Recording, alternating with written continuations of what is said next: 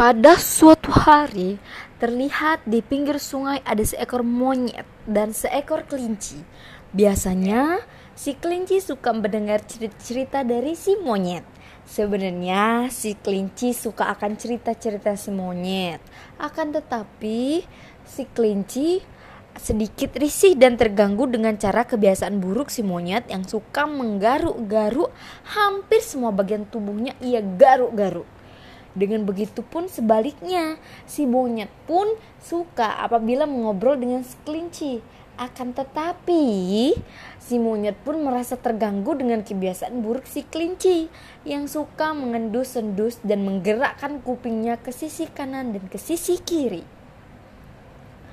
Pada akhirnya, si monyet pun memberanikan diri berkata dengan maksud menegur kepada si kelinci. Hai kelinci, apakah kau bisa menghentikan kebiasaan burukmu itu?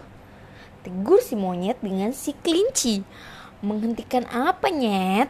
Si kelinci bertanya.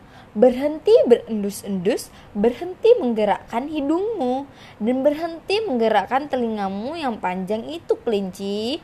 Betapa buruknya kebiasaan kau kelinci, jawab si monyet. Hai kau monyet, kau hanya bisa menilai kebiasaan burukku saja. Bagaimana dengan kebiasaan burukmu? Di setiap kita lagi asik ngobrol, kau selalu saja menggaruk-garuk Sungguh sangat buruk kebiasaanmu itu monyet. Tegur si kelinci membalas teguran si monyet tadi.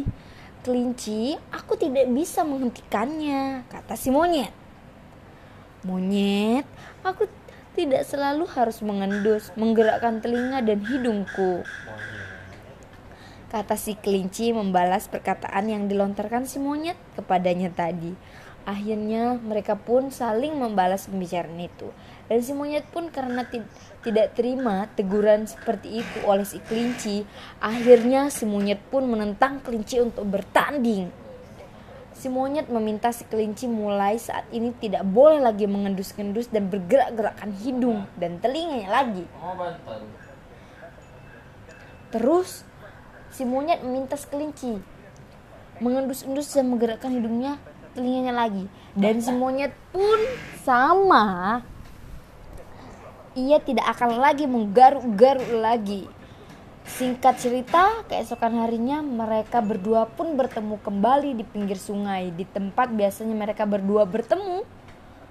Mereka berdua sedang menjalankan misi tantangan yang sudah dan susah. Si monyet jangan menggaruk-menggaruk lagi, Begitupun si kelinci tidak boleh mengendus-ngendus dan menggerak-gerakkan hidung dan telinganya.